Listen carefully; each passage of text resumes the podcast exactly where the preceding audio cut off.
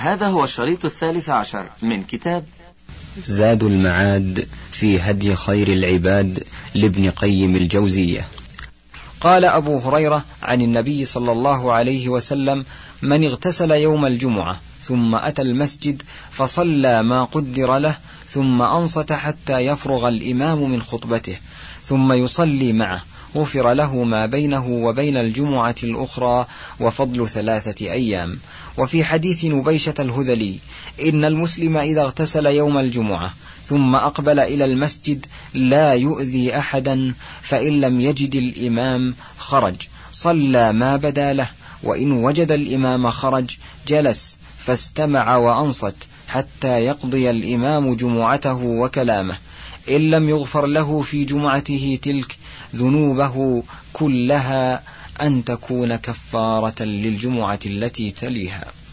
هكذا كان هدي الصحابة رضي الله عنهم. قال ابن المنذر روينا عن ابن عمر أنه كان يصلي قبل الجمعة ثنتي عشرة ركعة وعن ابن عباس أنه كان يصلي ثمان ركعات. وهذا دليل على أن ذلك كان منهم من باب التطوع المطلق. ولذلك اختلف في العدد المروي عنهم في ذلك. وقال الترمذي في الجامع وروي عن ابن مسعود أنه كان يصلي قبل الجمعة أربعا وبعدها أربعا. وإليه ذهب ابن المبارك والثوري. وقال إسحاق بن إبراهيم ابن هانئ النيسابوري رأيت أبا عبد الله إذا كان يوم الجمعة يصلي إلى أن يعلم أن الشمس قد قاربت أن تزول فإذا قاربت أمسك عن الصلاة حتى يؤذن المؤذن.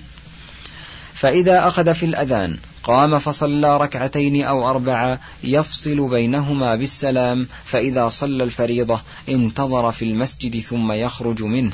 فيأتي بعض المساجد التي بحضرة الجامع فيصلي فيه ركعتين ثم يجلس. وربما صلى أربعة ثم يجلس ثم يقوم فيصلي ركعتين أخريين.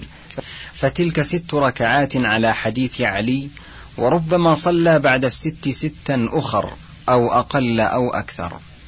وقد أخذ من هذا بعض أصحابه رواية أن للجمعة قبلها سنة ركعتين أو أربعة وليس هذا بصريح بل ولا ظاهر فإن أحمد كان يمسك عن الصلاة في وقت النهي.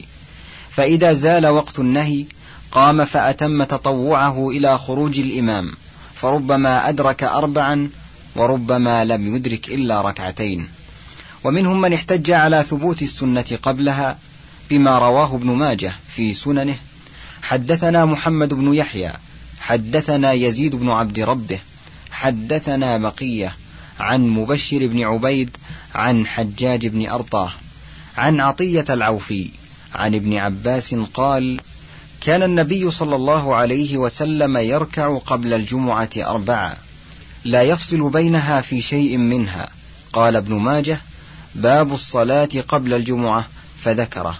وهذا الحديث فيه عدة بلايا. إحداها بقية بن الوليد إمام المدلسين وقد عنعنه ولم يصرح بالسماع. الثانية مبشر بن عبيد المنكر الحديث وقال عبد الله بن أحمد سمعت أبي يقول شيخ كان يقال له مبشر بن عبيد كان بحمص أظنه كوفيا روى عنه بقية وأبو المغيرة. أحاديثه أحاديث موضوعة كذب. وقال الدار قطني مبشر بن عبيد متروك الحديث. أحاديثه لا يتابع عليها. الثالثة الحجاج بن أرطاه الضعيف المدلس. الرابعة عطية العوفي قال البخاري كان هشيم يتكلم فيه وضعفه أحمد وغيره. وقال البيهقي عطية العوفي لا يحتج به ومبشر بن عبيد الحمصي منسوب إلى وضع الحديث والحجاج بن أرطاه لا يحتج به. قال بعضهم ولعل الحديث انقلب على بعض هؤلاء الثلاثة الضعفاء لعدم ضبطهم وإتقانهم فقال قبل الجمعة أربعا وإنما هو بعد الجمعة فيكون موافقا لما ثبت في الصحيح. ونظير هذا قول الشافعي في رواية عبد الله بن عمر العمري للفارس سهمان وللراجل سهم. قال الشافعي كأنه سمع نافعا يقول للفرس سهمان وللراجل سهم فقال للفارس سهمان وللراجل سهم. حتى يكون موافقا لحديث أخيه عبيد الله. قال وليس يشك أحد من أهل العلم في تقديم عبيد الله بن عمر على أخيه عبد الله في الحفظ. قلت ونظير هذا ما قاله شيخ الإسلام ابن تيمية في حديث أبي هريرة لا تزال جهنم يلقى فيها وهي تقول هل من مزيد حتى يضع رب العزة فيها قدمه؟ فيزوي بعضها إلى بعض وتقول قط قط. وأما الجنة فينشئ الله لها خلقا. فانقلب على بعض على بعض الرواة فقال أما النار فينشئ الله لها خلقا. قلت ونظير هذا حديث عائشة إن بلالا يؤذن بليل فكلوا واشربوا حتى يؤذن ابن أم مكتوم وهو في الصحيحين. فانقلب على بعض الرواة فقال ابن أم مكتوم يؤذن بليل فكلوا واشربوا حتى يؤذن بلال. ونظيره أيضا عندي حديث أبي هريرة إذا صلى أحدكم فلا يبرك كما يبرك البعير وليضع يديه قبل ركبتيه. وأظنه وهم والله أعلم فيما قاله رسول الله صلى الله عليه وسلم الصادق المصدوق وليضع ركبتيه قبل يديه كما قال وائل بن حجر كان رسول الله صلى الله عليه وسلم إذا سجد وضع ركبتيه قبل يديه. وقال الخطابي وغيره وحديث وائل بن حجر أصح من حديث أبي هريرة وقد سبقت المسألة مستوفاة في هذا الكتاب والحمد لله. وكان صلى الله عليه وسلم إذا صلى الجمعة دخل إلى منزله فصلى ركعتين سنتها وأمر من صلاها أن يصلي بعدها أربعا. قال شيخنا أبو العباس بن تيمية إن صلى في المسجد صلى أربعا وإن صلى في بيته صلى ركعتين. قلت وعلى هذا تدل الأحاديث. وقد ذكر أبو داود عن ابن عمر أنه كان إذا صلى في المسجد صلى أربعا وإذا صلى في بيته صلى ركعتين. وفي الصحيحين عن ابن عمر أن النبي صلى الله عليه وسلم كان يصلي بعد الجمعة ركعتين في بيته. وفي صحيح مسلم عن أبي هريرة عن النبي صلى الله عليه وسلم إذا صلى أحدكم الجمعة فليصلي بعدها أربع ركعات والله أعلم. فصل في هديه صلى الله عليه وسلم في العيدين. كان صلى الله عليه وسلم يصلي العيدين في المصلى وهو المصلى الذي على باب المدينة الشرقي وهو المصلى الذي يوضع فيه محمل الحاج ولم يصلي العيد بمسجده إلا مرة واحدة أصابهم مطر فصلى بهم العيد في المسجد إن ثبت الحديث وهو في سنن أبي داود وابن ماجه وهديه كان فعلهما في المصلى دائما وكان يلبس للخروج إليهما أجمل ثيابه فكان له حلة يلبسها للعيدين والجمعة ومرة كان يلبس بردين أخضرين ومرة بردا أحمر وليس هو أحمر مصمة كما يظنه بعض الناس فإنه لو كان كذلك لم يكن بردا وإنما فيه خطوط حمر كالبرود اليمنية فسمي أحمر باعتبار ما فيه من ذلك وقد صح عنه صلى الله عليه وسلم من غير معارض النهي عن لبس المعصفر والأحمر وأمر عبد الله بن عمرو لما رأى عليه ثوبين أحمرين أن يحرقهما فلم يكن ليكره الأحمر هذه الكراهة الشديدة ثم يلبسه. والذي يقوم عليه الدليل تحريم لباس الأحمر أو كراهيته كراهية شديدة. وكان صلى الله عليه وسلم يأكل قبل خروجه في عيد الفطر تمرات ويأكلهن وترا. وأما في عيد الأضحى فكان لا يطعم حتى يرجع من المصلى فيأكل من أضحيته. وكان يغتسل للعيدين صح الحديث فيه. وفيه حديثان ضعيفان. حديث ابن عباس من رواية جبارة بن مغلس. وحديث الفاكه بن سعد من رواية يوسف بن خالد السمتي. ولكن ثبت عن ابن عمر مع شدة اتباعه للسنة أنه كان يغتسل يوم العيد قبل خروجه. وكان صلى الله عليه وسلم يخرج ماشيا. والعنزة تحمل بين يديه. فإذا وصل إلى المصلى نصبت بين يديه ليصلي إليها. فإن المصلى كان إذ ذاك فضاء لم يكن فيه بناء ولا حائط وكانت الحربة سترته. وكان يؤخر صلاة عيد الفطر ويعجل الأضحى. وكان ابن عمر مع شدة اتباعه للسنة لا يخرج حتى تطلع الشمس ويكبر من بيته إلى المصلى. وكان صلى الله عليه وسلم إذا انتهى إلى المصلى أخذ في الصلاة من غير أذان ولا إقامة ولا قول الصلاة جامعة والسنة أنه لا يفعل شيء من ذلك. ولم يكن هو ولا أصحابه يصلون إذا انتهوا إلى المصلى شيئا قبل الصلاة ولا بعدها. وكان يبدأ بالصلاة قبل الخطبة فيصلي ركعتين يكبر في الأولى سبع تكبيرات متوالية بتكبيرة الافتتاح, الافتتاح. يسكت بين كل تكبيرتين سكتة يسيرة. ولم يحفظ عنه ذكر معين بين التكبيرات. ولكن ذكر عن ابن مسعود أنه قال يحمد الله ويثني عليه ويصلي على النبي صلى الله عليه وسلم ذكره الخلال. وكان ابن عمر مع تحريه للاتباع يرفع يديه مع كل تكبيرة. وكان صلى الله عليه وسلم إذا أتم التكبير أخذ في القراءة فقرأ فاتحة الكتاب ثم قرأ بعدها قاف والقرآن المجيد في إحدى الركعتين وفي الأخرى اقتربت الساعة وانشق القمر. وربما قرأ فيهما سبح اسم ربك الأعلى وهل أتاك حديث الغاشية؟ صح عنه هذا وهذا ولم يصح عنه غير ذلك. فإذا فرغ من القراءة كبر وركع ثم إذا أكمل الركعة وقام من السجود كبر خمسا متوالية. فإذا أكمل التكبير أخذ في القراءة. فيكون التكبير أول ما يبدأ به في الركعتين والقراءة يليها الركوع. وقد روي عنه صلى الله عليه وسلم أنه والى بين القراءتين فكبر أولا ثم قرأ وركع فلما قام في الثانية قرأ وجعل التكبير بعد القراءة ولكن لم يثبت عنه هذا فإنه من رواية محمد بن معاوية النيسابوري. قال البيهقي رماه غير واحد بالكذب. وقد روى الترمذي من حديث كثير بن عبد الله ابن عمرو بن عوف عن أبيه عن جده أن رسول الله صلى الله عليه وسلم كبر في العيدين في الأولى سبعا قبل القراءة وفي الآخرة خمسا قبل القراءة. قال الترمذي سألت محمدا يعني البخاري عن هذا الحديث. قال ليس في الباب شيء أصح من هذا وبه أقول.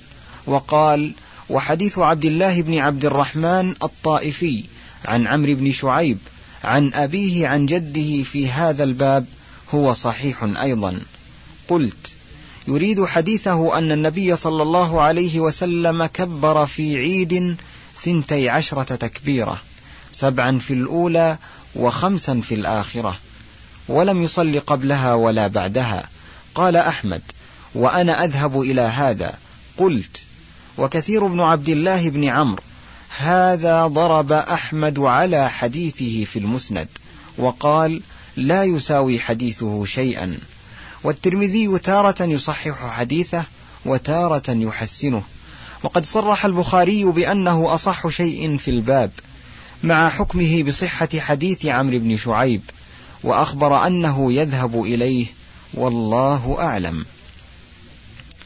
وكان صلى الله عليه وسلم إذا أكمل الصلاة انصرف فقام مقابل الناس والناس جلوس على صفوفهم فيعظهم ويوصيهم.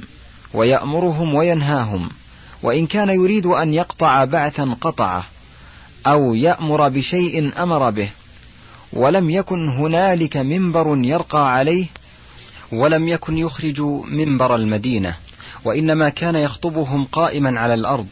قال جابر شهدت مع رسول الله صلى الله عليه وسلم الصلاة يوم العيد فبدأ بالصلاة قبل الخطبة بلا أذان ولا إقامة. ثم قام متوكئا على بلال فأمر بتقوى الله وحث على طاعته ووعظ الناس وذكرهم ثم مضى حتى أتى النساء فوعظهن وذكرهن متفق عليه. وقال أبو سعيد الخدري كان النبي صلى الله عليه وسلم يخرج يوم الفطر والأضحى إلى المصلى فأول ما يبدأ به الصلاة ثم ينصرف فيقوم مقابل الناس والناس جلوس على صفوفهم الحديث رواه مسلم.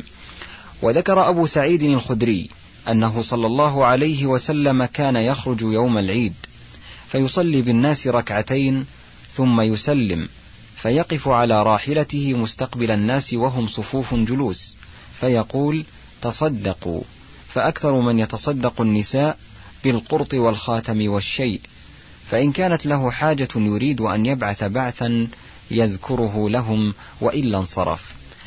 وقد كان يقع لي أن هذا وهم فإن النبي صلى الله عليه وسلم إنما كان يخرج إلى العيد ماشيا والعنزة بين يديه وإنما خطب على راحلته يوم النحر بمنى إلى أن رأيت بقي بن مخلد الحافظ قد ذكر هذا الحديث في مسنده عن أبي بكر بن أبي شيبة حدثنا عبد الله بن نمير حدثنا داود بن قيس حدثنا عياض بن عبد الله ابن سعد بن أبي سرح عن أبي سعيد الخدري قال كان رسول الله صلى الله عليه وسلم يخرج يوم العيد من يوم الفطر فيصلي بالناس تينك الركعتين ثم يسلم فيستقبل الناس فيقول تصدقوا وكان أكثر من يتصدق النساء وذكر الحديث. ثم قال حدثنا أبو بكر ابن خلاد حدثنا أبو عامر حدثنا داود عن عياض عن أبي سعيد كان النبي صلى الله عليه وسلم يخرج في يوم الفطر فيصلي بالناس فيبدأ بالركعتين ثم يستقبلهم وهم جلوس فيقول تصدقوا فذكر مثله وهذا إسناد ابن, ابن ماجة إلا أنه رواه عن أبي كريب. عن أبي أسامة عن داود ولعله ثم يقوم على رجليه كما قال جابر قام متوكئا على بلال فتصحف على الكاتب براحلته والله أعلم. فإن قيل فقد أخرج في الصحيحين عن ابن عباس قال شهدت صلاة الفطر مع نبي الله صلى الله عليه وسلم وأبي بكر وعمر وعثمان رضي الله عنهم. فكلهم يصليها قبل الخطبة ثم يخطب. قال فنزل نبي الله صلى الله عليه وسلم كأني أنظر إليه حين يجلس الرجال بيده ثم أقبل يشقهم حتى جاء إلى النساء ومعه بلال. فقال يا أيها النبي إذا جاءك المؤمنات يبايعنك على ألا يشركن بالله شيئا. فتلا الآية حتى فرغ منها الحديث. وفي الصحيحين أيضا عن جابر أن النبي صلى الله عليه وسلم قام فبدأ بالصلاة ثم خطب الناس بعد فلما فرغ نبي الله صلى الله عليه وسلم نزل فأتى النساء فذكرهن الحديث وهو يدل على أنه كان يخطب على منبر أو على راحلته ولعله كان قد بني له منبر من لبن أو طين أو نحوه. قيل لا ريب في صحة هذين الحديثين ولا ريب أن المنبر لم يكن يخرج من المسجد. وأول من أخرجه مروان بن الحكم فأنكر عليه. وأما منبر اللبن والطين فأول من بناه كثير بن الصلت في إمارة مروان على المدينة كما هو في الصحيحين. فلعله صلى الله عليه وسلم كان يقوم في المصلى على مكان مرتفع. أو دكان وهي التي تسمى مصطبة ثم ينحدر منه إلى النساء فيقف عليهن فيخطبهن فيعظهن ويذكرهن والله أعلم. وكان يفتتح خطبه كلها بالحمد لله ولم يحفظ عنه في حديث واحد أنه كان يفتتح خطبتي العيدين بالتكبير وإنما روى ابن ماجه في سننه عن سعد القرض مؤذن النبي صلى الله عليه وسلم أنه كان يكثر التكبير بين أضعاف الخطبة ويكثر التكبير في خطبتي العيدين وهذا لا يدل على أنه كان يفتتحها به. وقد اختلف الناس في افتتاح خطبة العيدين والاستسقاء فقيل يفتتحان بالتكبير وقيل تفتتح خطبة الاستسقاء بالاستغفار وقيل يفتتحان بالحمد.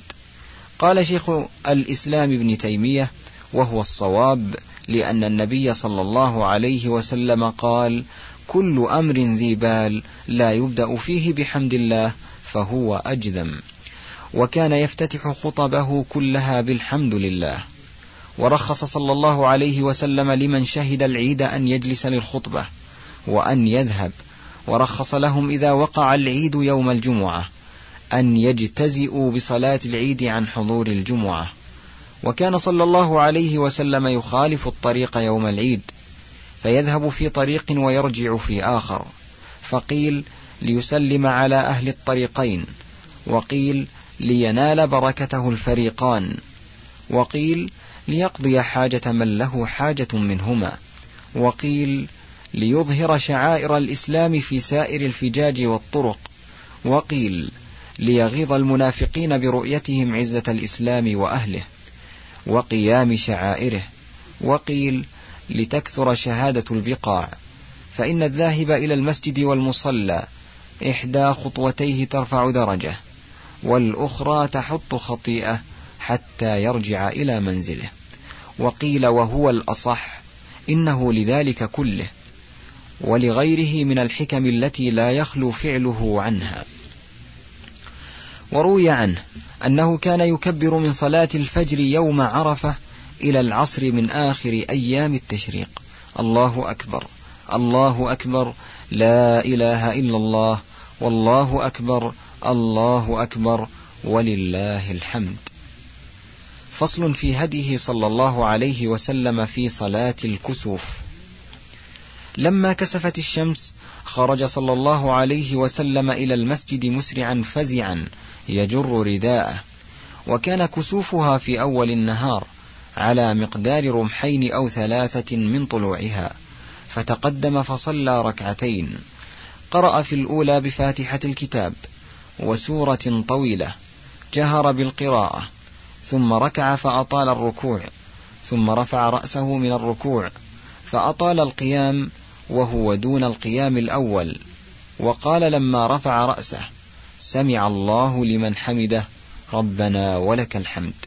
ثم أخذ في القراءة ثم ركع فأطال الركوع وهو دون الركوع الأول ثم رفع رأسه من الركوع ثم سجد سجدة طويلة فأطال السجود ثم فعل في الركعة الأخرى مثل ما فعل في الأولى فكان في كل ركعة ركوعان وسجودان. فاستكمل في الركعتين أربع ركعات وأربع سجدات ورأى في صلاته تلك الجنة والنار وهم أن يأخذ عنقودا من الجنة فيريهم إياه ورأى أهل العذاب في النار فرأى امرأة تخدشها هرة ربطتها حتى ماتت جوعا وعطشا ورأى عمرو بن مالك يجر أمعاءه في النار وكان أول من غير دين إبراهيم. ورأى فيها سارق الحاج يعذب ثم انصرف فخطب بهم خطبة بليغة حفظ منها قوله إن الشمس والقمر آيتان من آيات الله لا يخسفان لموت أحد ولا لحياته فإذا رأيتم ذلك فادعوا الله وكبروا وصلوا وتصدقوا يا أمة محمد. والله ما أحد أغير من الله أن يزني عبده أو تزني أمته. يا أمة محمد والله لو تعلمون ما أعلم لضحكتم قليلا ولبكيتم كثيرا.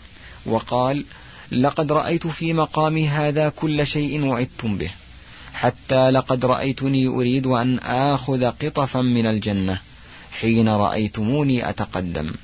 ولقد رأيت جهنم يحطم بعضها بعضا حين رأيتموني تأخرت. وفي لفظ ورأيت النار فلم أرك اليوم منظرا قط أفظع منها. ورأيت أكثر أهل النار النساء. قالوا وبما يا رسول الله؟ قال بكفرهن. قيل أيكفرن بالله؟ قال يكفرن العشير ويكفرن الإحسان.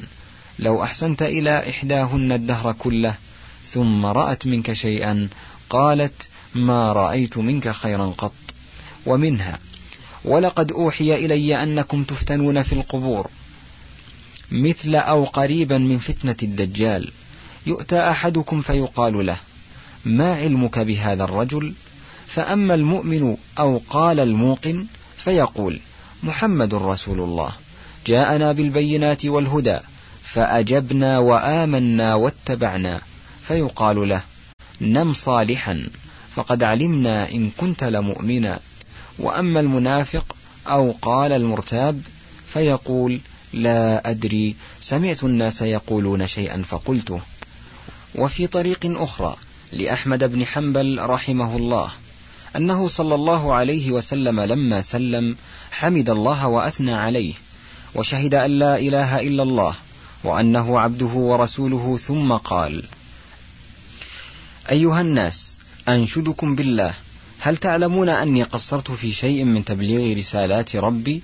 لما أخبرتموني بذلك؟ فقام رجل فقال نشهد أنك قد بلغت رسالات ربك ونصحت لأمتك وقضيت الذي عليك. ثم قال أما بعد فإن رجالا يزعمون أن كسوف هذه الشمس وكسوف هذا القمر. وزوال هذه النجوم عن مطالعها لموت رجال عظماء من أهل الأرض وإنهم قد كذبوا ولكنها آيات من آيات الله تبارك وتعالى يعتبر بها عباده. فينظر من يحدث منهم توبة ويم الله لقد رأيت منذ قمت أصلي ما أنتم لاقوه من أمر دنياكم وآخرتكم وإنه والله أعلم. لا تقوم الساعة حتى يخرج ثلاثون كذابا. آخرهم الأعور الدجال. ممسوح العين اليسرى. كأنها عين أبي يحيى لشيخ حينئذ من الأنصار. بينه وبين حجرة عائشة. وإنه متى يخرج؟ فسوف يزعم أنه الله. فمن آمن به وصدقه واتبعه لم ينفعه صالح من عمله سلف ومن كفر به وكذبه لم يعاقب بشيء من عمله سلف وإنه سيظهر على الأرض كلها إلا الحرم وبيت المقدس وإنه يحصر المؤمنين في بيت المقدس فيزلزلون زلزالا شديدا ثم يهلكه الله عز وجل وجنوده حتى إن جذم الحائط أو قال أصل الحائط وأصل الشجرة لينادي يا مسلم يا مؤمن هذا يهودي. أو قال هذا كافر فتعال فاقتله. قال ولن يكون ذلك حتى تروا أمورا يتفاقم بينكم شأنها في أنفسكم وتساءلون بينكم هل كان نبيكم ذكر لكم منها ذكرا؟ وحتى تزول جبال عن مراتبها ثم على أثر ذلك القبض. فهذا الذي صح عنه صلى الله عليه وسلم من صفة صلاة الكسوف وخطبتها. وقد روي عنه أنه صلاها على صفات أخر منها كل ركعة بثلاث ركوعات ومنها كل ركعة بأربع ركوعات ومنها أنها كإحدى صلاة صليت كل ركعة بركوع واحد. ولكن كبار الأئمة لا يصححون ذلك. كالإمام أحمد والبخاري والشافعي ويرونه غلطا. قال الشافعي وقد سأله سائل فقال روى بعضهم أن النبي صلى الله عليه وسلم صلى بثلاث ركعات في كل ركعة. قال الشافعي فقلت له أتقول به أنت؟ قال لا ولكن لم لم تقل به أنت وهو زيادة على حديثكم؟ يعني حديث الركوعين في الركعة. فقلت هو من وجه منقطع ونحن لا نثبت المنقطع على الانفراد ووجه نراه والله أعلم غلطا. قال البيهقي أراد بالمنقطع قول عبيد بن عمير حدثني من أصدق. قال عطاء حسبته يريد عائشة الحديث وفيه فركع في كل ركعة ثلاث ركوعات وأربع سجدات. وقال قتادة عن عطاء عن عبيد بن عمير عنها ست ركعات في أربع سجدات. فعطاء إنما أسنده عن عائشة بالظن والحسبان لا باليقين. وكيف يكون ذلك محفوظا عن عائشة؟ وقد ثبت عن عروة وعمرة عن عائشة خلافه. وعروة وعمرة أخص بعائشة وألزم لها من عبيد بن عمير وهما اثنان فروايتهما أولى أن تكون هي المحفوظة. انتهى الوجه الأول.